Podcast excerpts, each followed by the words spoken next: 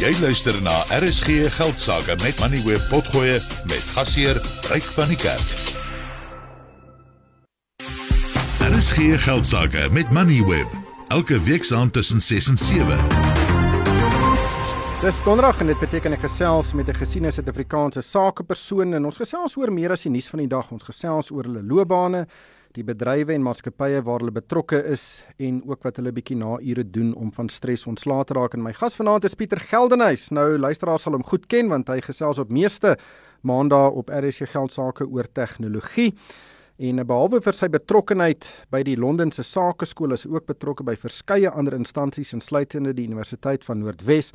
Hy was ook die voorsitter van die ATKV en hy's ook 'n 'n konsultant en hy bied verskriklik baie kursusse en hy maak baie voorleggings of hy doen baie voorleggings by baie maatskappye.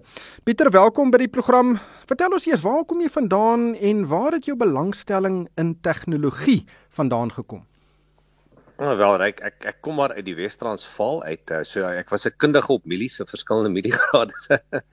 en ek het by Noordwes Universiteit op die ou die, die ou daardie Potchefstroomse Universiteit het ek, ek uh my elektroniese geneeswese gedoen, 'n MBA gedoen en dan ook uh toe ek klaar is met my MBA begin as 'n dosent in tegnologie strategie by Noordwes Universiteit.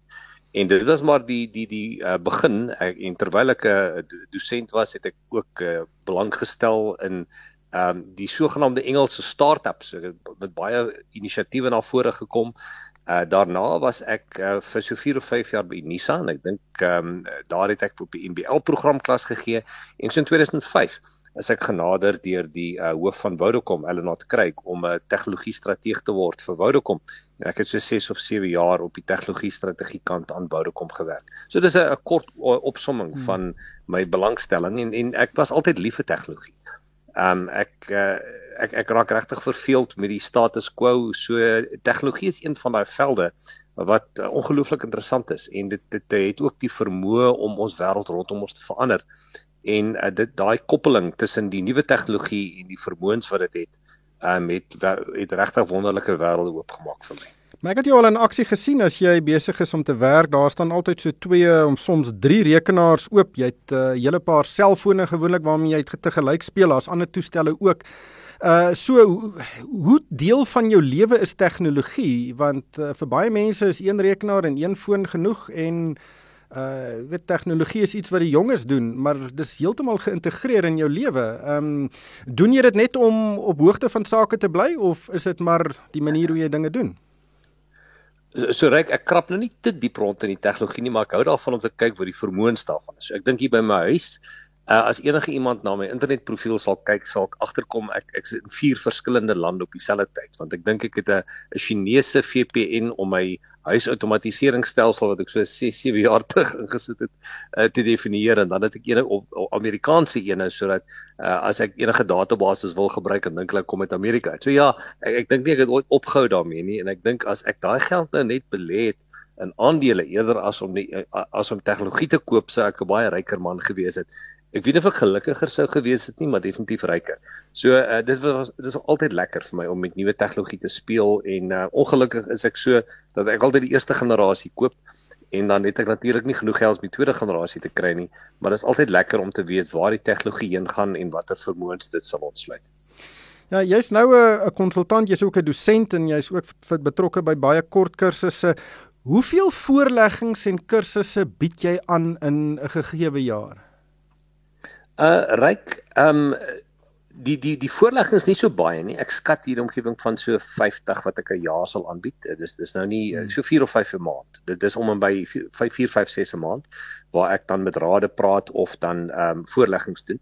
En dan baie baie meer ehm um, ek sal ek skat uh, so 3 4 weke wat ek gelukkig uh, genoeg is om oor see te gaan elke jaar uh wat die Londense Sake Skool my dan vra om daar op 'n koöperatiewe opleidingsprogramme te werk en daar uh doen ek so 20 dae 'n jaar. En en dan die res van die tyd uh, doen ek maar opleiding uh, op op finansiële tegnologie of kunsmatige intelligensie klasse. Ons by die universiteit Ehm um, ek is ek ek hierdie voorreg gehad om die instituut te begin vir in, in uh, die instituut vir tegnologie strategie en innovasie. Ons het 'n fakulteit van so 20 mense en ons ons lewer baie baie interessante programme in die korporatiewe sektor af. So die kundigheid wat ek opgebou het in my jare by Vodacom as 'n tegnologie strateeg, ook die behoeftes wat maatskappye het om te innoveer het vir ons die vermoë gegee om daai koppeling in die mark raak te sien. So ons het 'n ja, geweldige klomp kursusse wat ons uitrol. Ons het laas jaar die die fintech 'n uh, meester meesterklas uitgerol en 'n hele klomp banke het dit uh, omarm. Uh ook ook die telekommunikasiemaatskappye en hierdie jaar uh, skop ons die kunsmatige intelligensie meesterklas af.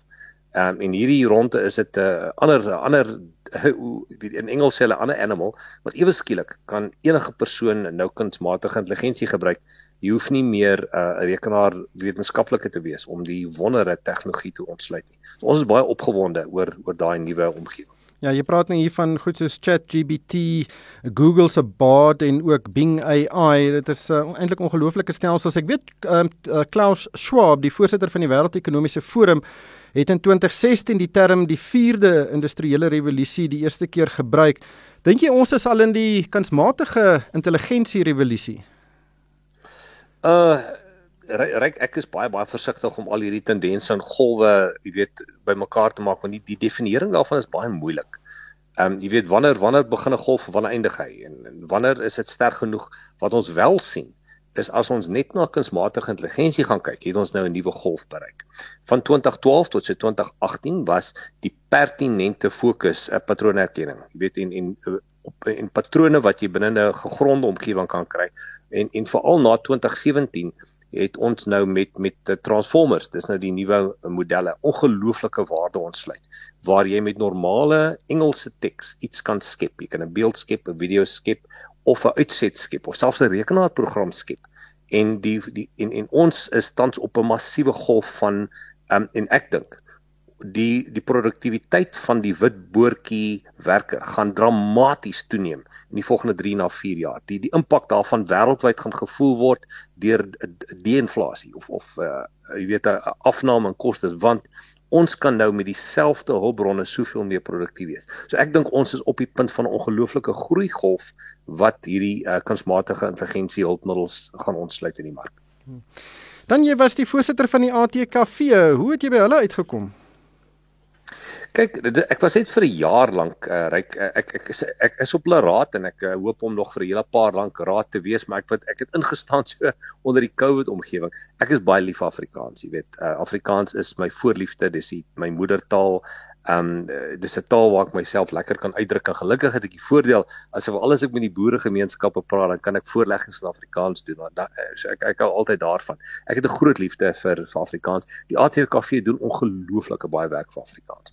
Um jy weet nie net in terme van die sosiale gebied nie, maar die die um die vermoë wat hulle het om Afrikaans werklik uh jy weet uh te laat te laat geld in die Suid-Afrikaanse omgewing en ehm um, en en ook ehm um, die die hande wat hulle uitreik na almal binne in die omgewing om Afrikaans te laat gedei.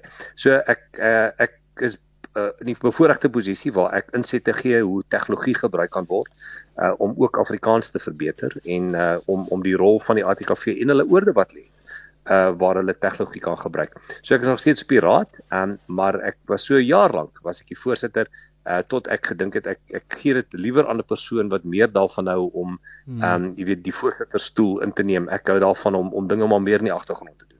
Pieter, ons sal daarmee los baie dankie vir jou tyd. Uh, dit was Pieter Geldenhuys en uh, ek sal maandag gaan weer met hom gesels oor interessante ontwikkelings in die tegnologie wêreld. Maar daarmee moet ons groet baie dankie aan Skalk Klou, hy's 'n portefeuljebestuurder by PSG Wealth Old Oak. En dan van Palesa Matlala, Pieter Botha en Kokreer en vir my ryk van die kerk. Dankie vir die saamluister en hierdie program is aan jou gebring deur Absa. Jy kan aanlyn na Absa skuif en 'n Business Evolve rekening oopmaak. Jy het geluister na RSG Geldsaake met Money where potgoe elke weeksdag om 7 na middag. Vir meer Money where potgoe, besoek moneyweb.co.za of laai die toepassing af en volg Moneyweb News om dagliks op hoogte te bly.